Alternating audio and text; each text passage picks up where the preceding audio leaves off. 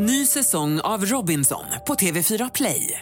Hetta, storm, hunger. Det har hela tiden varit en kamp. Nu är det blod och tårar. Fan händer just nu. Det. är Detta är inte okej. Robinson 2024, nu fucking kör vi! Streama söndag på TV4 Play. Podplay. Så kanske du kan säga någonting om dina barnvagnar? Behöver vi det då? Jag vet. Jo, fan, vi är ju lite gubbiga. Det kan vi väl få vara. Det är som vi är. Liksom. Ja, men vi försöker ju hålla igen gubbigheten. Ja, ja, okej, skit i den då. Ja. Ja.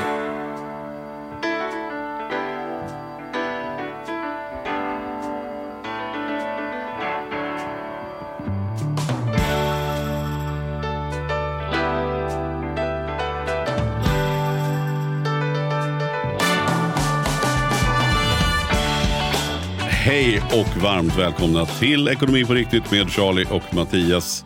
Och jag är Mattias. Ja, hela dagen faktiskt har vi valt att göra så att jag tar Charlie-rollen. Du tar Charlie-rollen. du tar, tycker du att vi har så här tydliga roller i podden? Eller? Nej, ja men det, det, jo men vi är ju olika. Så, så av det, men jag tycker vi har inte tagit några olika roller. Ibland tycker jag att jag är eh, så lite mer så här, spenderbyxorna och, och så. Medan Ja. du är... Eh, nej, men det, det, nej men det tycker jag inte. Jag, jag tycker att vi... Det är inte några medvetna roller. Nej, men ibland så kan det bli olika. I vissa avsnitt är jag lite hetsig. Ganska ofta är jag lite hetsigare. Men rätt vad det är går du också igång. Så då blir det lite extra hetsig. Ja. Så, så får se hur det... Men sen är ju så här, ekonomi är ju väldigt mycket familj. Det går Mm. ju inte att komma ifrån. Så är det ju. Ekonomi är ju liksom hushållning Mm. av pengar. Och då är det ju, har ju alltid varit tycker jag att vi har haft olika, eftersom vi har barn i olika åldrar, Ja. i, i, i ju rätt många år nu. Mm. Lika många år som Primus är, så att säga. 13 år har vi haft olika liksom, perspektiv egentligen. Ja. Och det tror jag är sunt. Mm. Ehm, Vi snackade ju veckopeng för inte så länge sedan och då, då exempelvis, då, är det ju, då har vi olika perspektiv på det. Just det. Hör det du, men vi, det, vi är så olika vi inte. Du och, och Malin skulle komma hem och käka hos oss förra veckan. Ja, det skulle vi. Jag hade förberett allt och sen så blev det Ja. inställt för att ni var sjuka. Ja. Det kan man inte rå för. Men våra grannar tackar så mycket. De fick ju en brakmiddag. Ja, vad trevligt. trevligt. Ja, nej, Ja. och det är jobbigt. Nej men, det, nej, men det var ju bara så att min, min kära fru har, har migrän och det händer väldigt sällan. Men när det händer då är det ju rullgardin Då är ner. ju ingen mening Det att går liksom inte att öppna, Nej. hon kan, kan liksom Nej. inte öppna gardinerna hemma. Det liksom, och då var det en sån dag. Ja, Och då kunde jag ju antingen vara en gubbe och säga det var ju typiskt. Fan också. Eller så kunde man ju bara försöka eh, Mm. bokar få vi om en gång. Mm. Och då fick vi direkt. Ja, och då, och då var det som att jag hade ju tänkt att du skulle, det sa jag i podden förut, att du skulle få äta, en gång varje år gör jag ju ostfondy i, i en pumpa. Mm. Jag tror att du har fått käka någon gång. Mm, Men nu fick de det i helgen, så nu får du någonting annat när ni, när ni kommer över imorgon. Får någonting annat. Men det är ganska bra i och för sig jag aldrig För har lagat har jag ju faktiskt ätit en Ja, gång. och nu ska du få vit, en vitlökspaj med en fikonsallad. Och jag har aldrig gjort den, men jag fick den från alltså, receptet via en kock där som sa att den här är asgod. Åh, vad gott det låter. Så du får lite vegomat för att jag tänker att du är ju inte vegetarian men du är inte så mycket för kött. Och så Nej. kommer jag ihåg att det helst inte griskött också. Så det var eh, liksom... Exakt, Nej, men det är väl egentligen griskött. Mm. Eh, annat kött äter jag. Allra helst vilt som ingen annan i min familj riktigt vill äta. Så, att, Mm. Nej. så att, Nej. ja, det är bra. Ja, ja. Men nu blir det vägg imorgon då. Trevligt. Ja, Ja, och ett glas ska vi väl få i oss också hoppas jag på. det hoppas jag. Men innan man får ha fest så måste man jobba lite också. Ja, det ska vi göra. Det tänker vi att vi ska göra nu. Eh, Ja, och vi ska också göra det imorgon för vi ska också ha, faktiskt, vi ska göra poddplaneringsmöte står det i min Ja. kalender i två timmar. ja. Tänkte jag idag att det var lite att ta i kanske. Ja. Det kan vi prata Men om man kanske vi kan få ett glas under tiden. Det tänker jag väl att det lär väl så bli man så. glider in, så man börjar ja, liksom. ja, så är vi lite mjuka innan damerna ansluter. Där. Ja, exakt. ja, ja, nåväl. Fan vad gubbigt det där lät. Det är väl lite mjuka innan damerna Ja, ansluter. ja, men Ja, det, det- blir, det kommer nog gå bra. Det, vi kan ju inte sitta och låtsas som att vi är några andra än de vi är. Så är. Nej, för så är det ju. Men har ni, bra. ni som lyssnar, har ni något att bidra med till poddplaneringen? Några gäster ni vill ha, några ämnen ni vill ha? Då är det dags att skicka in dem på charlie och mattias.gmail.com. Kom. Och har man ett bra recept som man kan ha när man har ett poddplaneringsmöte. Mm. Någon sån här härligt, om ni har något favoritrecept. Mm. Ja, vi är ingen matpodd, jag vet. Men vi är jävligt matnördiga, både du och jag. Vi älskar Så mat. Mm. Över nästan allt annat skulle jag vilja påstå. Så att då får man otroligt gärna skicka in någon sån här favoritrecept. Mm. Och får vi någon sån här riktigt smarrigt favoritrecept så kan jag, jag kan personligen lova att jag lagar det. Ja, Tar en bild på det Ja. och eh, kommer med en recension. ja. Härligt, nu är Stack jag utmaningen ut igång. hakan för mycket? Nej, nej, nej, kör du. Det kör vi. Jag, jag, jag lovar att jag äter. Och ett, gärna ett vintips till då för att göra. Så är det. Mm. Ja, det, Mm. det, Annars det får vi ligga, ringa Alex, våran poddens hus. ehm, Har du varit på Nya Nok förresten? Nej, jag väntar ju liksom på att du ska säga den här kvällen är jag där, kom Mm. och häng på. På tal om with och sånt så blir jag lite orolig när man, eller på tal om det, för att göra en övergång till det vi ska prata om nu. Ja. Så är det ju, man hoppas ju att restauranger inte ska drabbas som jag är rädd för att de kommer göra. Jag tänker framförallt på Alex och Nok som nyligen har öppnat en, Mm.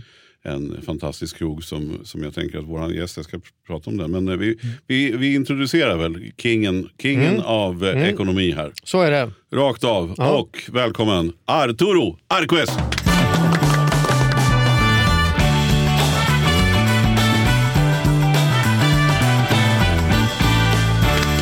Tack så mycket. Har du noterat att jag lärt mig säga Arturo istället för Ja, Arturo? trevligt. trevligt. Ja. Tack. Ja. Du, eh, ja, Mm. Nokia. Eh, om du vill äta väldigt gott. Vi, vi har inget betalt för att säga det här. Vi säger det ändå. Tyvärr nog, det här måste ni styra upp. Det börjar bli dags nu tycker jag. Ja, det skulle bjuda, man kunna- bjuda på. Ja, nej, men det finns en restaurang som heter Nok som, som var en, min kvarterskrog på Söder. Mm. Väldigt extremt nära där jag bodde. Så börjar man hänga där och så blir man kompis. Och sen så här, ja, du vet ju, du har säkert Mm. något liknande där eh, ute i Sumpan antar jag.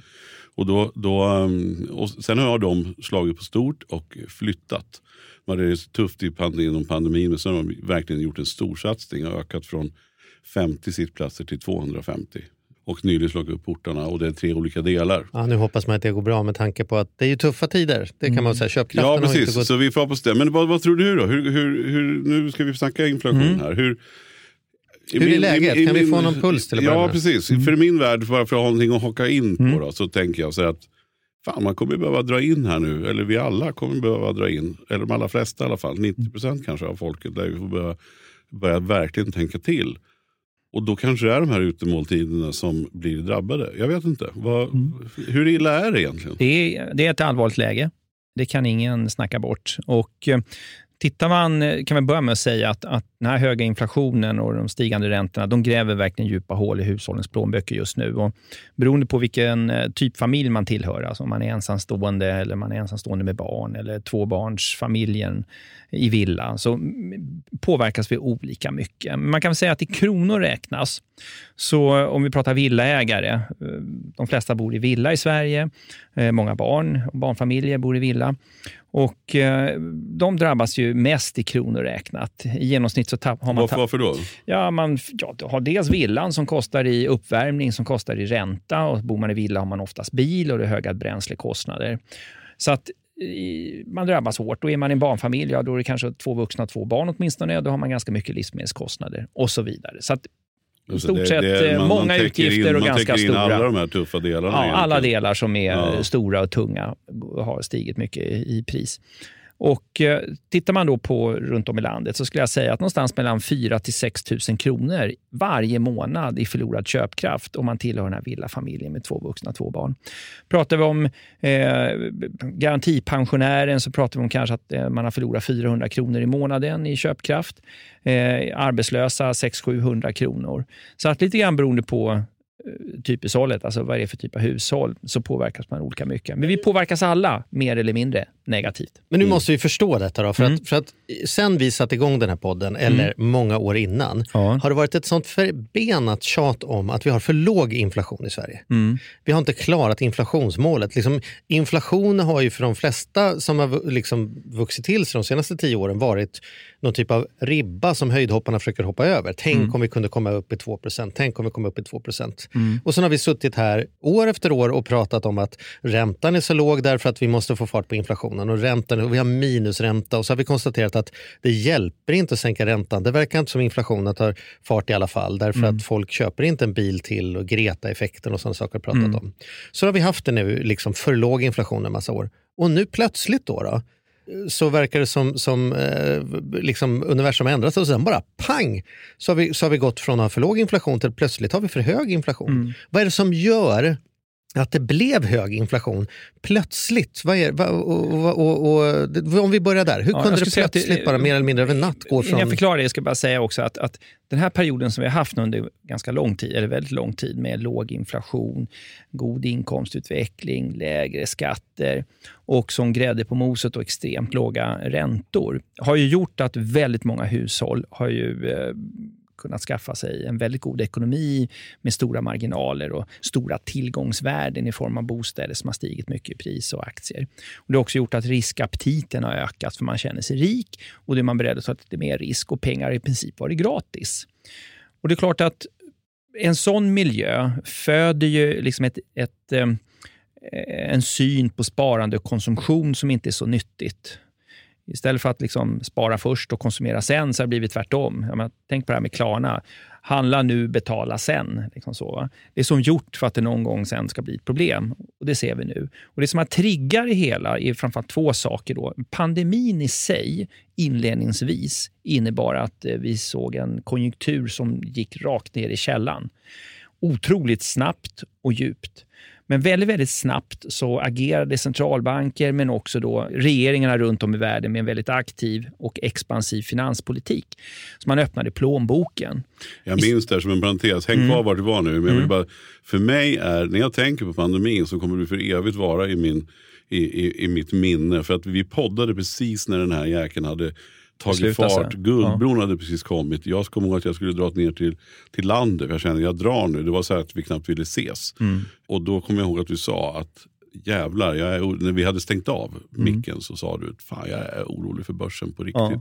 Vad länge Ja, sedan men jag är orolig. bekymrad. Och, Ja. och det, det som har hänt då, då är att... Men sen, förlåt att jag Ja. avbröt då, Ja. och då var vi nere där. Men sen så så vart det ju mobiliserade... inte så farligt. Ja, men Det som du var inne på, då mobiliserade det sig. Så Nej, men då, då satte man igång då och började stimulera för att inte liksom den här eh, lågkonjunkturen skulle bli för djup och för långvarig. Och om vi tar Sverige som ett exempel då, då så har ju eh, regeringen öst ut då sex, över 600 miljarder sen pandemin bröt ut. Och en fjärdedel har gått till hushållen, drygt en fjärdedel till företagen och resten till offentlig sektor. Och bara för att ni ska få liksom proportionerna då, BNP är drygt 5 000 miljarder och statsbudgeten är ungefär på 1000 eller 1100 miljarder. Och 600 miljarder är väldigt, väldigt mycket om man ställer relation till det här. Så aldrig någonsin tidigare har, har en regering ens legat i närheten av att stimulera ekonomin så pass mycket som man har gjort. Och då har de egentligen tryckt pengar kan man säga. Och då har man eh, lånat pengar, men man har också använt de överskott som finns. För Sverige har och har haft en väl, väldigt, väldigt starka statsfinanser och det ska vi vara glada och tacksamma för. Och Det här gjorde då att konjunkturen vände och vi hade en tillväxt och fortsatt sjunkande arbetslöshet trots pandemin. Men den 24 februari så bestämde sig Putin för att invadera Ukraina. Då kom nästa smäll. Då, då. Och det som men, men, men visst, bara för att stanna där. Mm. Visst var inflationen på gång redan innan den 24? Alltså innan den 24. Ja, det var den. Alltså man snackar ju ändå om det. Att nu Absolut. kan det liksom bli lite här Ja, liksom och då- skakigt. Så sent som i början på februari så sa även vår egen centralbank, nämligen Riksbanken, att inflationen är bara temporär. Eftersom inflationen begränsade sig då till olja, gas och el. Det vill säga, det var några få saker som hade blivit dyrare. Några få varor. Eh, som, Viktiga varor, men inte allt. Men Bi- inte allt. Bio var inte dyrare, purjolök var inte dyrare, utan Nej. det var liksom De grejerna. energi var dyrare. Precis. Liksom. Och, eh, och det, vilket inte är helt ovanligt under vinterhalvåret, att det är på det sättet. Så, så sent som i februari så, så gjorde Riksbanken den bedömningen, och många ekonomer utöver dem också, att det är förmodligen temporärt. För mig var väckarklockan min granne som är vd på ett livsmedelsbolag som säljer då en massa livsmedelsartiklar till kedjor. Axfood, Coop, Ica. Och han berättade för mig redan veckan före jul att han var helt övertygad om att livsmedelspriserna skulle upp.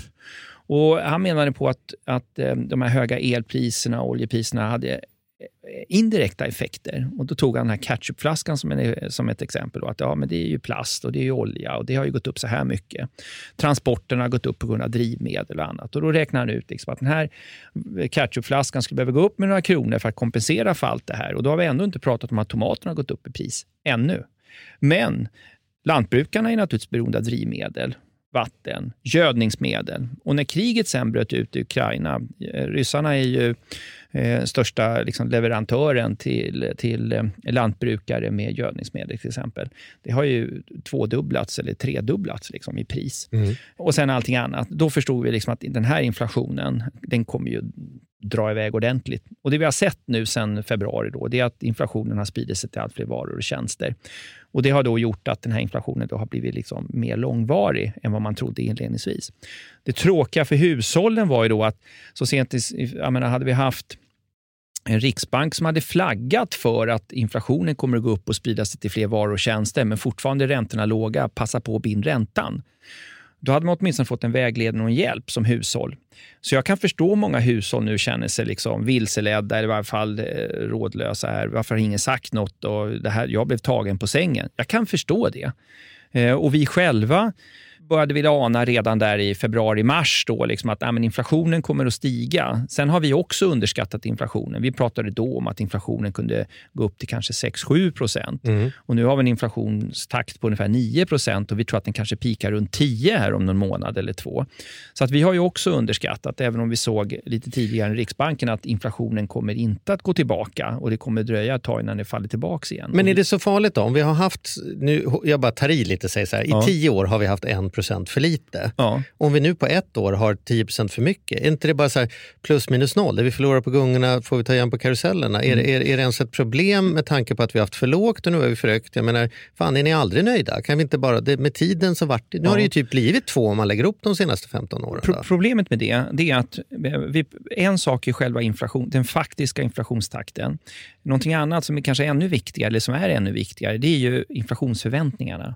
Lek med tanken att du är Svenskt Näringsliv, alltså Mattias är Svenskt Näringsliv och Charlie, du är arbetstagarsidan. Mm. Och ni ska sätta er nu här eh, snart i avtalsförhandlingar.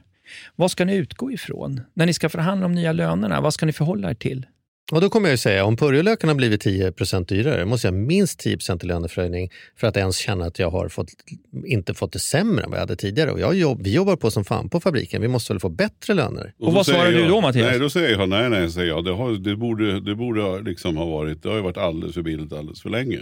Ja, eller får du säga, då får jag höja priset på purjolök med 10 till. Ja, exakt. Ja, men det var, ja, precis. Det har ju varit, så då skulle jag säga, då får vi väl liksom gå halva vägen var. Du, han la sig direkt, vad fort det gick i förhandlingen. nej, men då skulle jag säga, nej, men det jag skulle säga är precis raka motsatsen. Att nej, mm. mm. du får inte, du får 2 procent. Mm. Alltså, eftersom vi ska kompensera för de här åren. Som du... Och du har haft en massa bra år och, och sanningen är ju den om man tittar tillbaks på oss hushåll. Ska heller inte glömma bort att hushållens privata konsumtion står för halva tillväxten och halva BNP. Så den privata konsumtionen är väldigt viktig för samhällsekonomin. Det här vet arbetsmarknadens Men vad parter. menar du med det här? Ja, precis. Men vad ja. menar du att vi, vart kommer vi landa? Då? Jo? Att problem, tidigare så har ju Charlie då som representant för arbetstagarna ni har ju hela tiden sagt att vårt riktmärke och vår utgångspunkt för våra löneförhandlingar är Riksbankens inflationsmål på 2% det är det man hela tiden har förhållit sig till.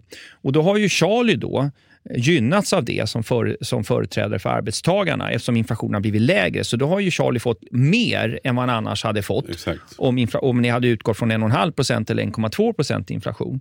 Och Det är klart att retoriken från näringslivet nu kommer att vara ja, men ni har ju gynnats nu under 10-15 års tid. Och, och, nu ju... Därför får ni ingen höjning Nej, men, Precis. Jag kan förstå att det kan bli väldigt svåra löneförhandlingar nu då, då just därför att näringslivet kommer naturligtvis tycka liksom att ja, men ni har blivit överkompenserade de senaste åren. Och Det positiva med den här överkompensationen teoretiskt sett, då, då, det är att hushållen har fått en stärkt köpkraft. Och den här stärkta köpkraften har gått till ökad konsumtion och den ökade konsumtionen har bidragit till en stark tillväxt i svensk ekonomi. Så, så problemet nu då, då tillbaka till din fråga kring det här med inflationen, då, att i, i, samband med pandemin så var det många företag som var tvungna att stänga ner och så produktionen liksom begränsades ju. Så, så tillverkning av varor och tjänster och transporter har liksom blivit lite grann av en flaskhals. Och det har blivit ännu värre nu under kriget med Ukraina. Dessutom har vi dessutom infört en massa sanktioner på varor som vi egentligen är väldigt beroende av. Och Det har ju gjort det hela ännu mer besvärligt. Och Det har ju drivit naturligtvis inflationen ytterligare. Och Eftersom den här har kommit väldigt snabbt och väldigt kraftigt så innebär det att vår köpkraft då faller tvärt och Det är vi ovana vid och det betyder att vi blir rädda. Vi håller hårdare i plånboken och det minskar den privata konsumtionen och med allt vad det innebär för era kompisar som driver mm. restaurang eller frisör, mm. frisörer och allt vad det nu är, taxiföretag och så.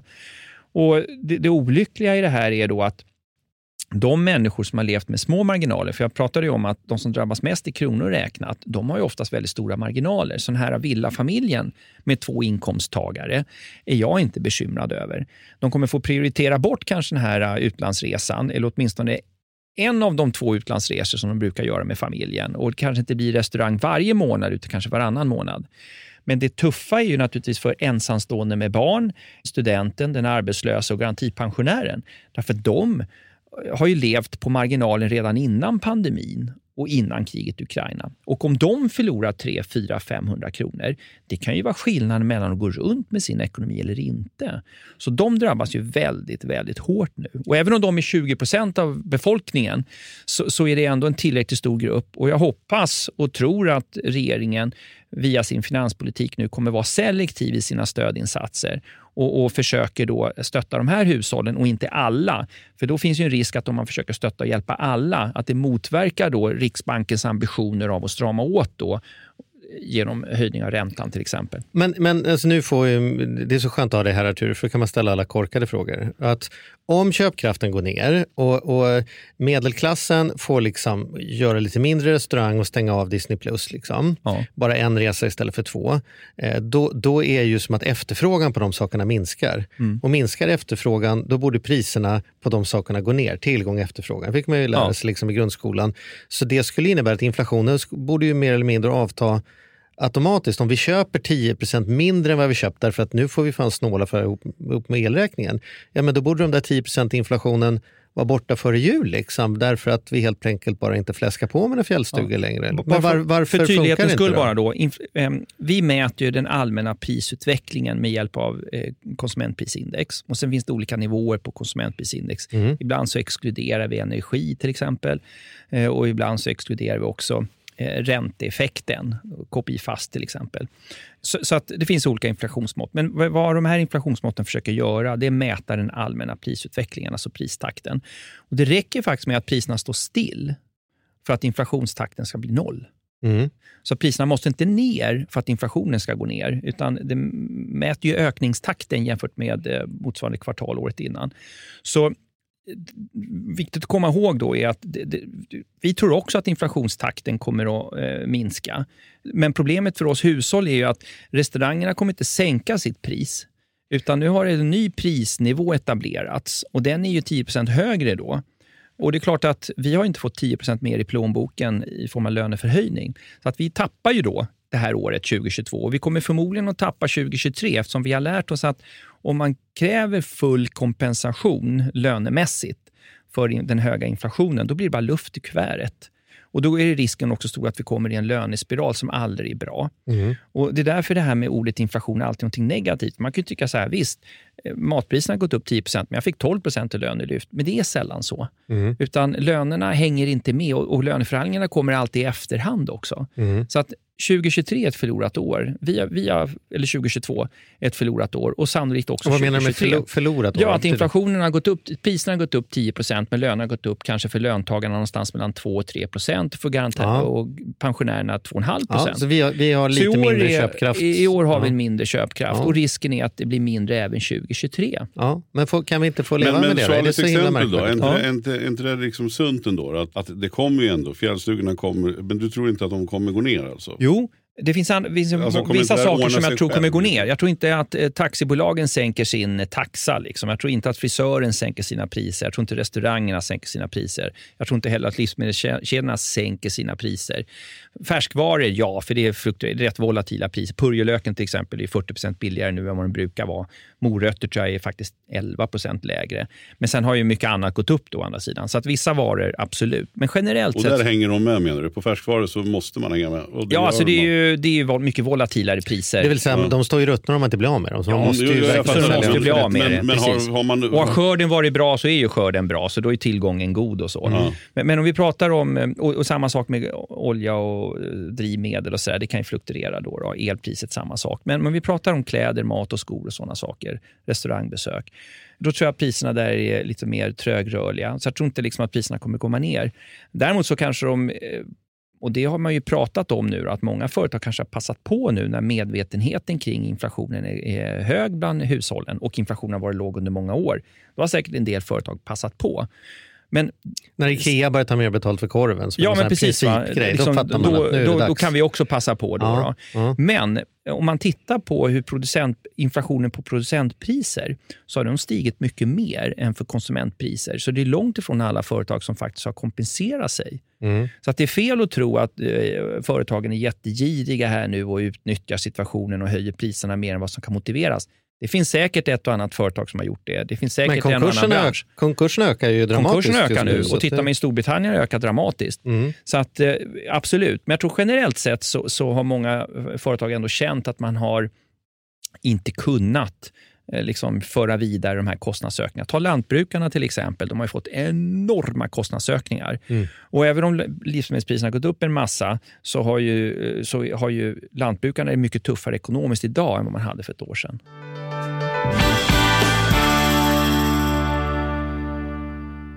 Den här podden gör vi även den här veckan i samarbete med Saveland. Fan Mm. vad kul det är att ha dem med ombord. Mm, jätte, jätteroligt. Ja, vi brukar prata om att man har något band som man såg jag stod Bo Kaspers jädrigt tidigt liksom, innan man gjort tv-debut. Och du har något hårdrocksband som du var jävligt tidig på. Ja, alltså jag var på, på Lilla Teatern Göta Lejon och såg Metallica Ja. 1984. Så gammal är jag. Och jag var i kontakt med Saveland när det fortfarande var typ tre, fyra personer där från Mm. början. När jag fick möjlighet att träffa dem.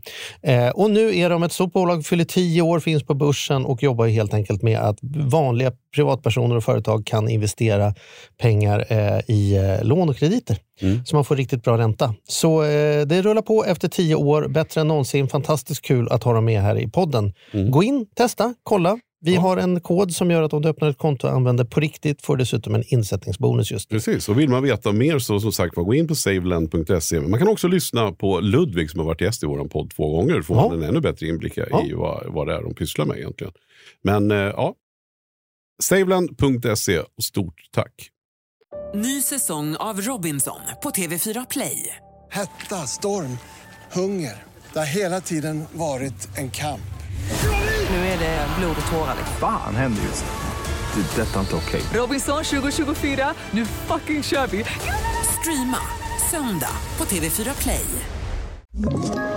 Ett poddtips från Podplay. I fallen jag aldrig glömmer djupdyker Hasse Aro i arbetet bakom några av Sveriges mest uppseendeväckande brottsutredningar. Går vi in med hemlig telefonavlyssning och, och då upplever vi att vi får en total förändring av hans beteende. Vad är det som händer nu? Vem är det som läcker?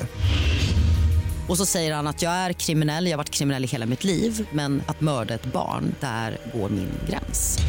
Nya säsongen av Fallen jag aldrig glömmer på Podplay.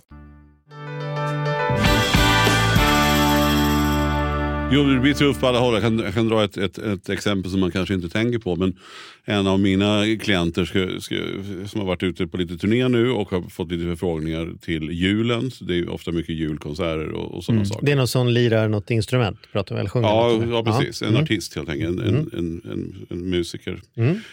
Mm. Som då har fått ett erbjudande av att åka till eh, Gotland, tror jag det var. Eh, och göra en, en julkonsert. Där, där man kör, har kört i någon slags eh, lada som man gör jättemysig. Och i lite julmarknad och grejer och sådär.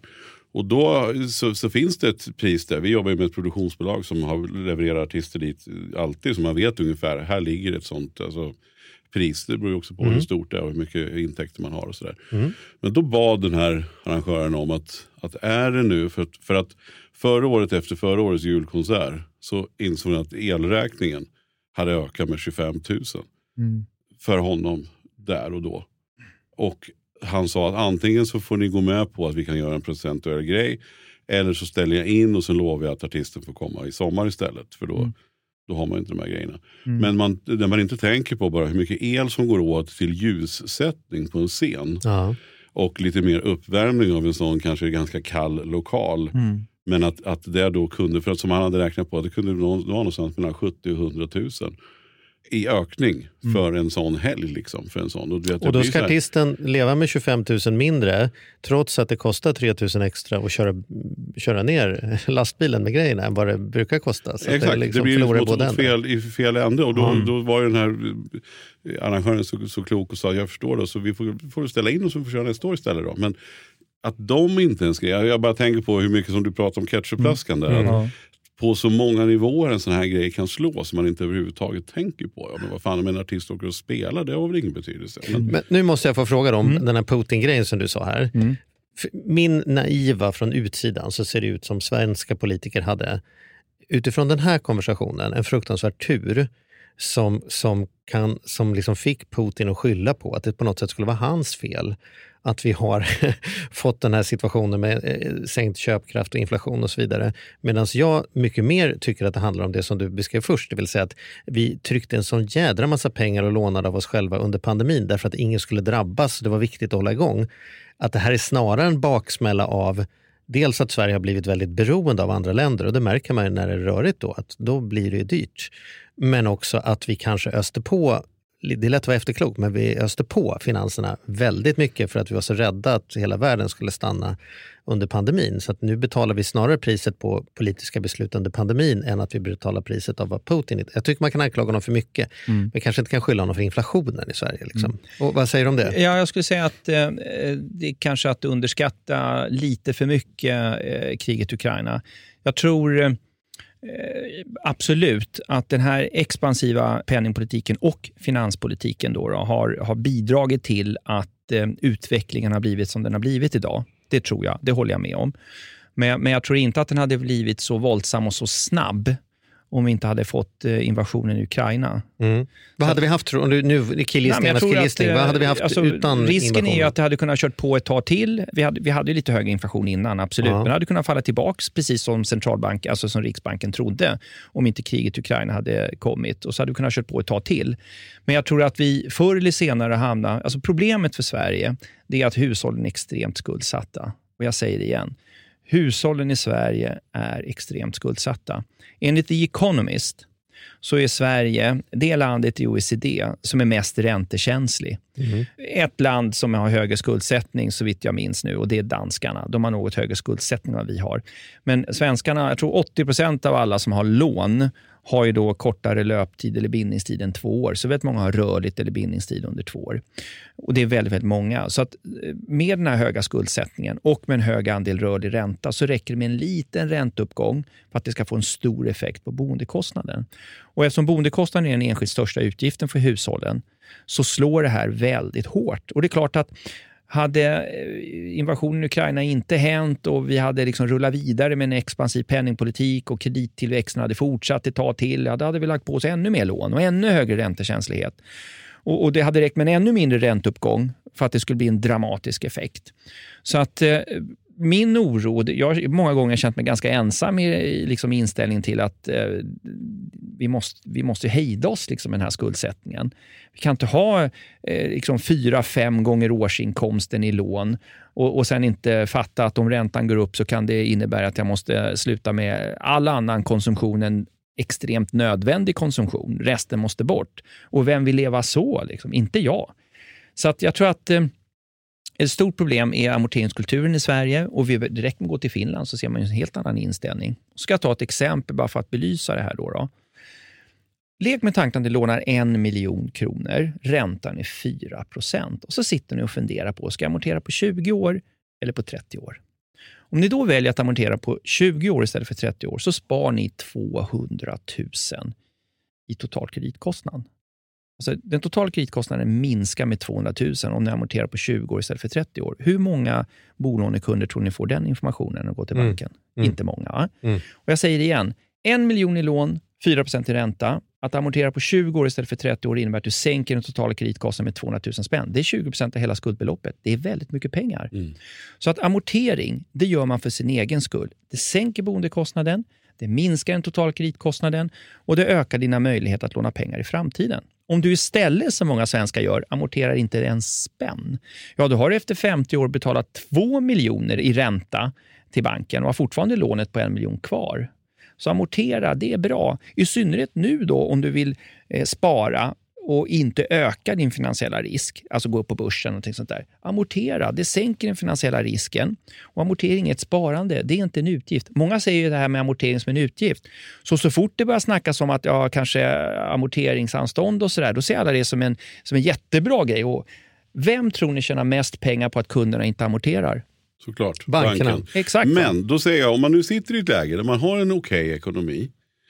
Och, och så säger du så här att man kan, jag håller med dig. Jag har varit lika ensam i mitt amortering så jag har varit supernördig kring amorteringen jämt.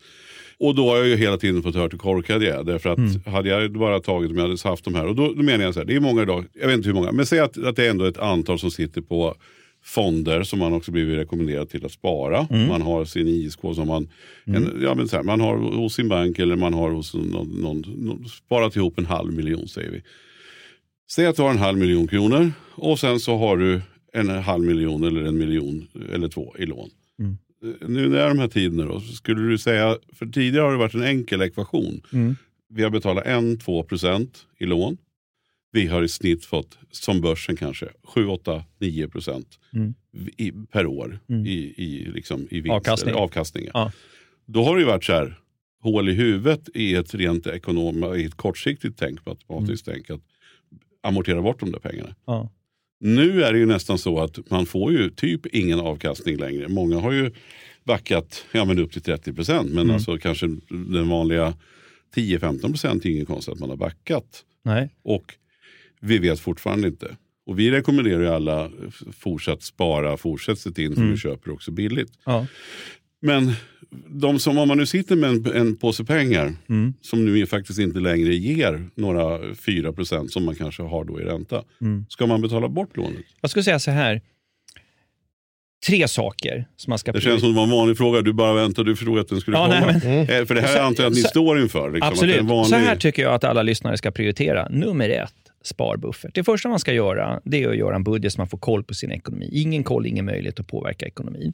Så gör en budget.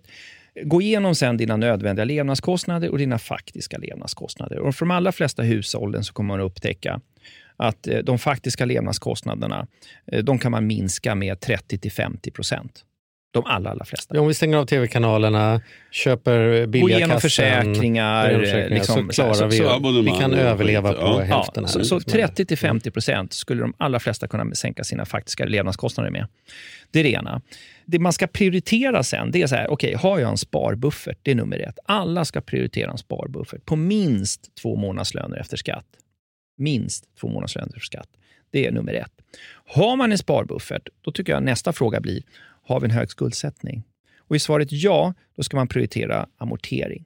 När har man en hög skuldsättning? Ja, då skulle jag säga som en bra tumregel. Om du har lånat mer än tre gånger din årsinkomst eller har en belåningsgrad, alltså lån i relation till bostadens värde som är 65-70% eller mer, då ska du amortera. Men har du en sparbuffert och har en låg skuldsättning, då kan, kan man prioritera då, eh, läget. För det finns ju möjligheter nu. Lek med tanken att ni har suttit och tittat på att vi skulle behöva köpa en större bostad.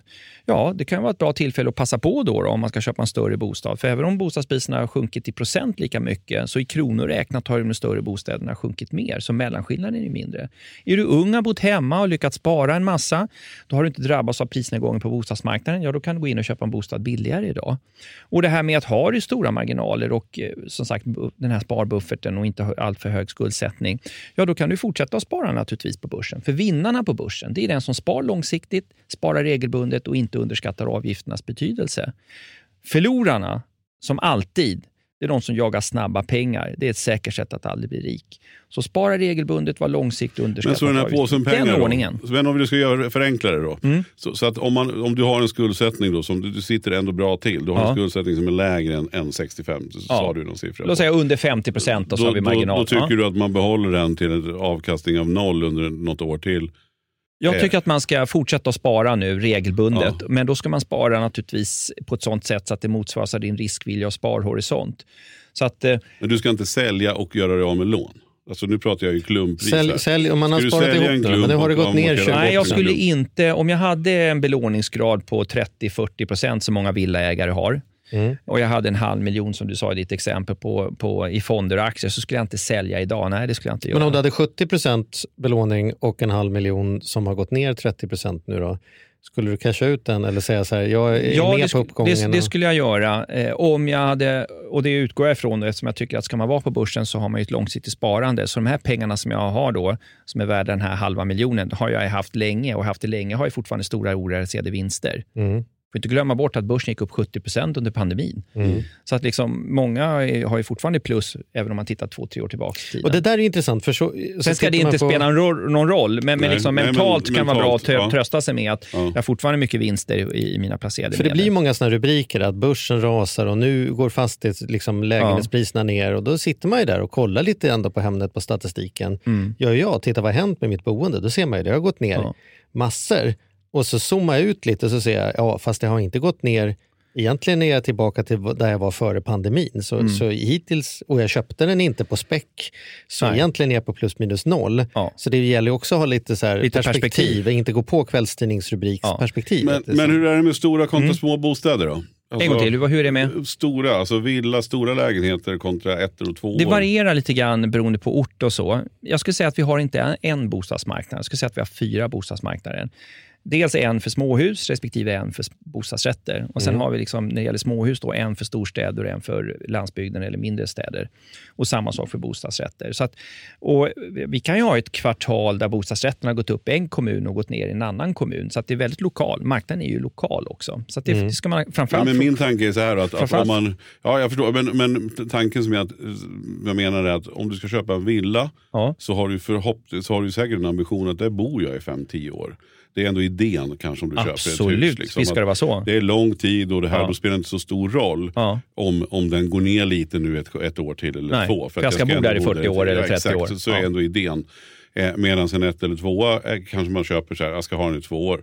Jag kan göra en brakförlust och sen sitter jag fast där Mm. Ja. i en förlust. Och det är det som oroar mig är, lite är det grann. någon tanke som, Ja, som absolut. stämmer? Liksom? Ja, eh, när man köper en bostad, oberoende av vad det är för någonting, eh, bostadsrätt eller ägarlägenhet eller småhus, så tycker jag att eh, tanken ska ju då vara att man ska bo där länge. Och med länge så skulle jag säga att man bör ju bo då åtminstone fyra, fem år eller längre. Varför då? Jo, för tittar man tillbaks nu, nu ser jag att vissa priser har gått ner så pass att vi är tillbaks på 2017 års nivå. Och det, är också en sån grej jag tittar på. Hur lång boendehorisont måste man ha för att alltid ha fått pengarna tillbaka? Och med ett undantag då från 90-talet då, så, så, så ligger det någonstans där runt 5-6 år. Då är det hygglig hög sannolikhet att du inte behöver vara orolig för att sälja bostaden till ett lägre pris. Så att eh, någonstans så tycker jag alltid, och då är det klart det är olyckligt då, för är du ung och ska plugga på annan ort och det går inte att få tag på en hyresrätt, ja då har det ju säkert hänt mer än en gång att föräldrarna hjälper till och så köper man en, en liten etta eller en tvåa till, eh, till sin son eller sin dotter. Och det är klart att då ska man vara medveten om det, att eh, det där är inte helt riskfritt. Bostadspriserna kan gå ner. Och Det är också en sån grej som jag har känt mig ganska ensam om i media när jag gått ut och sagt liksom att köper man en bostad så, eh, så måste man ha en längre, spar, alltså en längre boendehorisont än liksom ett, eller två eller tre år. Eh, Jag menar, studier kanske pågår i tre, kanske fyra år normalt. Och Det är klart, det är ingen garanti att eh, bostadspriserna kommer att vara högre då efter den perioden. Men många har ju bara sett uppgångar och att pengar har varit i stort sett gratis och tyckt liksom att nej, men det, vi ser det som en investering, det kommer gå bra. Och nu ser vi att nej, inte den här gången. Men apropå då uppgångar och nedgångar, nu kommer den ständiga Arturo-slutfrågan. Mm. Hur, hur, när vi sitter här om ett år, eh, har räntan gått upp, gått ner? Har bopriserna gått upp, gått Ja. ner? Har börsen gått en upp, 10 gått 000 ner? fråga. Jag hade ju jättefel när ni frågade mig här för ett år sedan var det när jag satt här tillsammans Mm. med eh, vår gode vän från ICA-banken. Mm. Och, eh, och Då visste vi ingenting om Putin å andra sidan. Och Jag ska säga så här att med stor sannolikhet så kommer styrräntan som idag är 1,75 att stiga. Vi tror vid nästa räntemöte i november att man höjer med 75 punkter, alltså 0,75. Och styrräntan kan du berätta? Eh, Det är Riksbankens eh, prissättning av pengar när bankerna går till eh, Riksbanken och ska sätta in eller låna pengar. Så det är ett sätt att styra, därav ordet styrräntan. Då, då. Och det är inte den Priset som är på pengar. konsumenträntan? Nej, utan det är en annan ränta då som du Mm. får av banken när du lånar pengar. Konsumtionskrediter till Yes. exempel, och bolånen. Och eh, idag är den styrräntan 1,75 och vi tror att man kommer höja i november med 0,75 procentenheter. Och sen nästa gång eh, man har ett räntemöte, det är i februari, då tror jag att man kommer höja med 25 punkter. Så vi tror att styrräntan kommer vara en procentenhet högre än vad den är idag, det vill säga 2,75 i februari. Och hur mycket borde det slå Och på ett räkna bolån? med då, liksom? att bolånen stiger i motsvarande takt. Så en Mm. procentenhet till ungefär på, på räntorna. Vad skulle du säga då? Men om, om, man, om man kommer till er bank om, om i, alltså i mars nästa år. Ja. Om man har så här, schyssta förutsättningar, Ja. inte superbra, inte dåliga. Ja. Man beviljas ett lån. Vad ligger den? Ja, en rörlig ränta på 4-4,5 procent skulle inte förvåna mig. Nej. Och då kan vi bara rulla tillbaka bandet och upptäcka liksom att det var ju många som lånade för inte så länge sedan till 1,25. Mm. Så att Men vi var tre- många som lånade för sju en gång i tiden Ja, också. Så det så, var inte och väldigt många hade kanske en och en halv då i ränta, men, men det fanns ju de som hade typ en, en och 25. Men en och en halv då. Så att tre gånger högre ränta Men på jag, kort tid. Ja, men det går, jag, men jag kan ha sett fel, men jag tittade, Mm. faktiskt, jag tittade faktiskt på vägen hit. Mm. Mm. Jag satt på cykeln. Men Mm. jag ville bara... Ja, men jag gick in snabbt och tittade på ränteutvecklingen. 10 Ja. 10 års ränta. Ja. Så kunde jag ju då ändå tro så här, ja fast den kommer ju gå upp nu och sen så kommer den att gå ner. Så tar jag en tioåring Mm. så borde den inte vara så dyr. Men det var ju en stående kurva uppåt. Har jag Mm. fel då? Alltså det som är lite Läste jag fel? speciellt då. Det var lite skakigt med mobilen. Ja. Men, Alltså det, det som är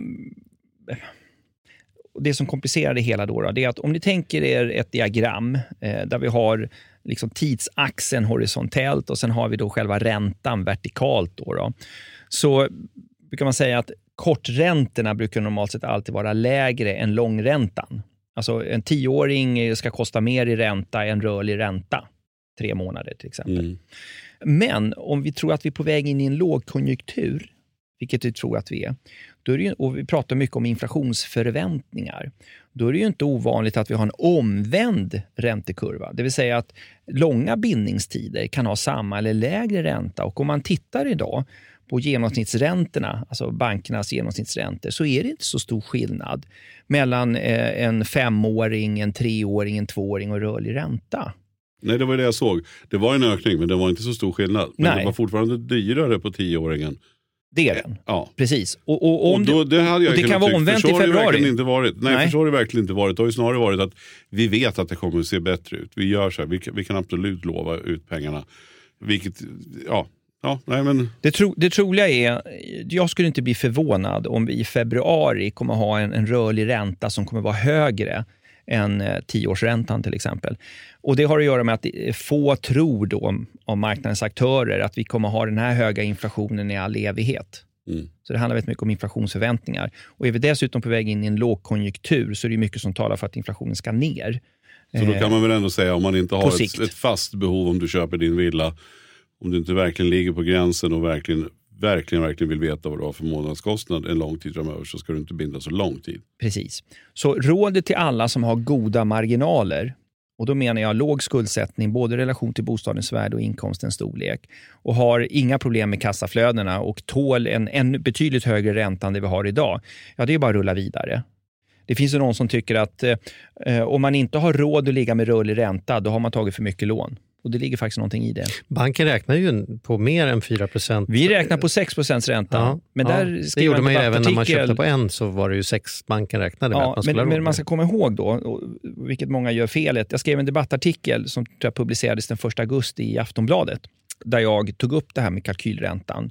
För många tänker så här, ja, men kalkylränta på 6% där är vi ju inte nu. Hushållen har stora marginaler. Men det är en sanning med viss modifikation. För det jag gjorde i mina beräkningar då, och det bankerna gör, det är att säga så här, ja, men vi behöver en kudde, vi behöver en buffert.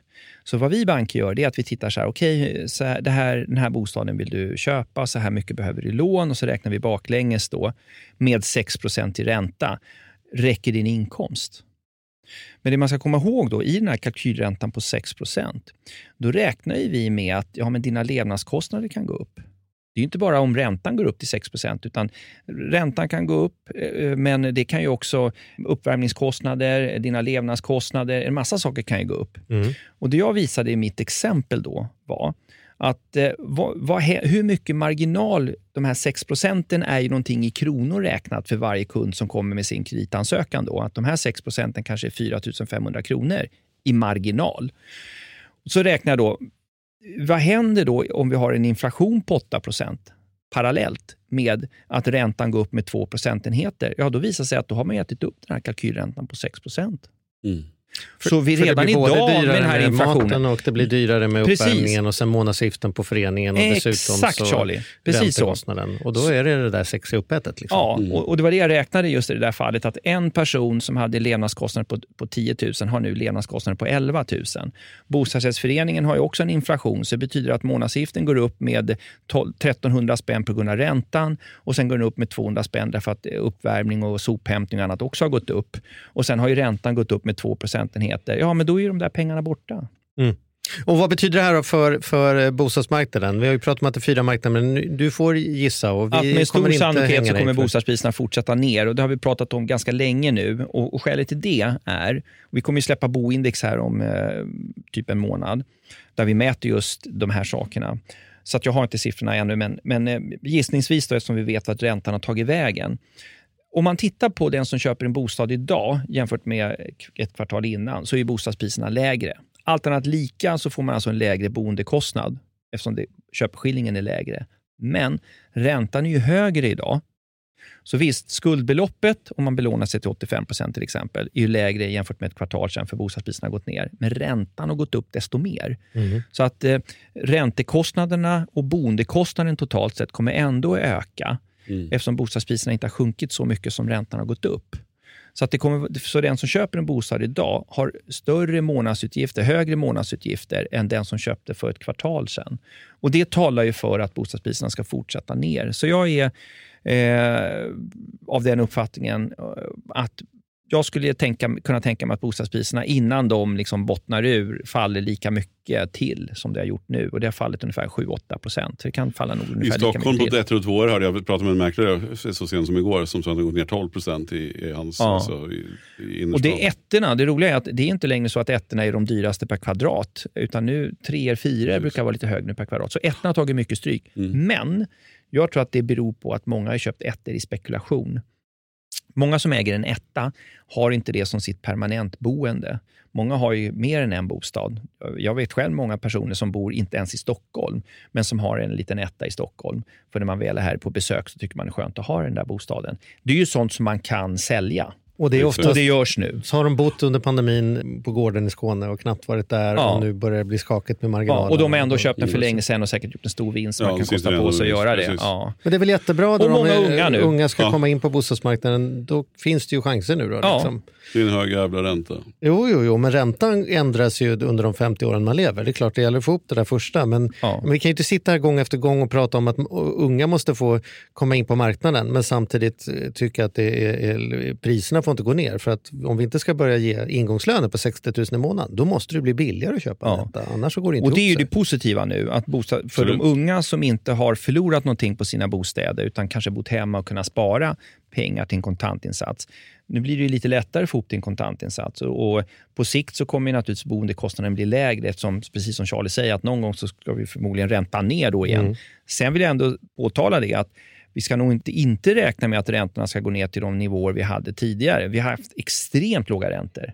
Det är ju det som har varit det extrema, att kunna låna till 1,5 procent i ränta. Mm. Utan de räntorna vi har nu är ju mer normala. Eller hur? Så att eh, vi, får nog, eh, vi ska nog inte Nej, räkna det- med att det räntan finns, kommer gå ner det så mycket finns ju mer. något sunt i det hela ändå. Och Det den, det- som, det- och den som säljer en bostad för att köpa en annan bostad, man ska gå från en tvåa till en trea eller från en trea till en tvåa. Där får man ju också då tänka att där är inte samma typ av panik heller. Om jag får 20% mindre när jag säljer, men jag får ju också 20% billigare på det jag köper. Så att om det går upp eller ner är ju nästan en teorifråga eller möjligen en skattefråga. Mm. Så man ska inte heller få panik över att nu säljer jag min lägenhet för, för 100 000 mindre än vad jag köpte den när jag förlorat pengar. Ja, men så länge du ska köpa En bostad budar, till. bu, budar på en annan där så Ja. har ju den gått ner exakt lika Mm. mycket och köper du större har den dessutom gått ner mer. Mm. Men där kan vi ju eh, Ja. ha ett annat möte om vad som händer när man är belånad mer än vad lägenheten är värd. Det hoppas vi Mm. slipper bjuda in dig till den podden, men det kan bli i fe, februari. Men jag hoppas att vi kan få bjuda in dig senast i februari igen. Ja, det ser jag Mm. fram emot. Och fall. få en, eh, det är ja, alltid så kul att få det aktuella och update från dig. Det, är, det här är mycket att fundera, det ska bli spännande tycker jag att se hur det här kommer att, och vart det tar vägen. Ja, vi kan ju inte, vi, man kan ju gå omkring och oroa sig, men som min goda vän säger, den mest improduktiva känslan man kan ha är oro. Ingenting blir att man oroar sig. Man får göra sin budget, man får titta på vad man kan påverka och resten får man förhålla sig till så att det är spännande och tänka vi kommer nog överleva det här också. Liksom. Det... Och sen får vi väl hoppas att det jävla kriget tar slut. För det är bara, det är bara piss och skit. Ja, verkligen. Ja, hörni, Stort tack, Arturo, för att du var med. Tack kartongen. själva. Tack, så mycket.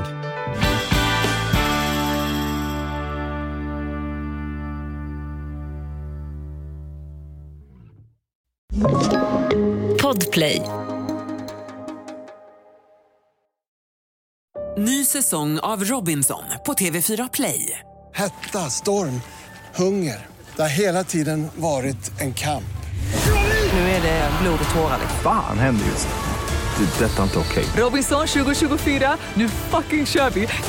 Streama söndag på TV4 Play.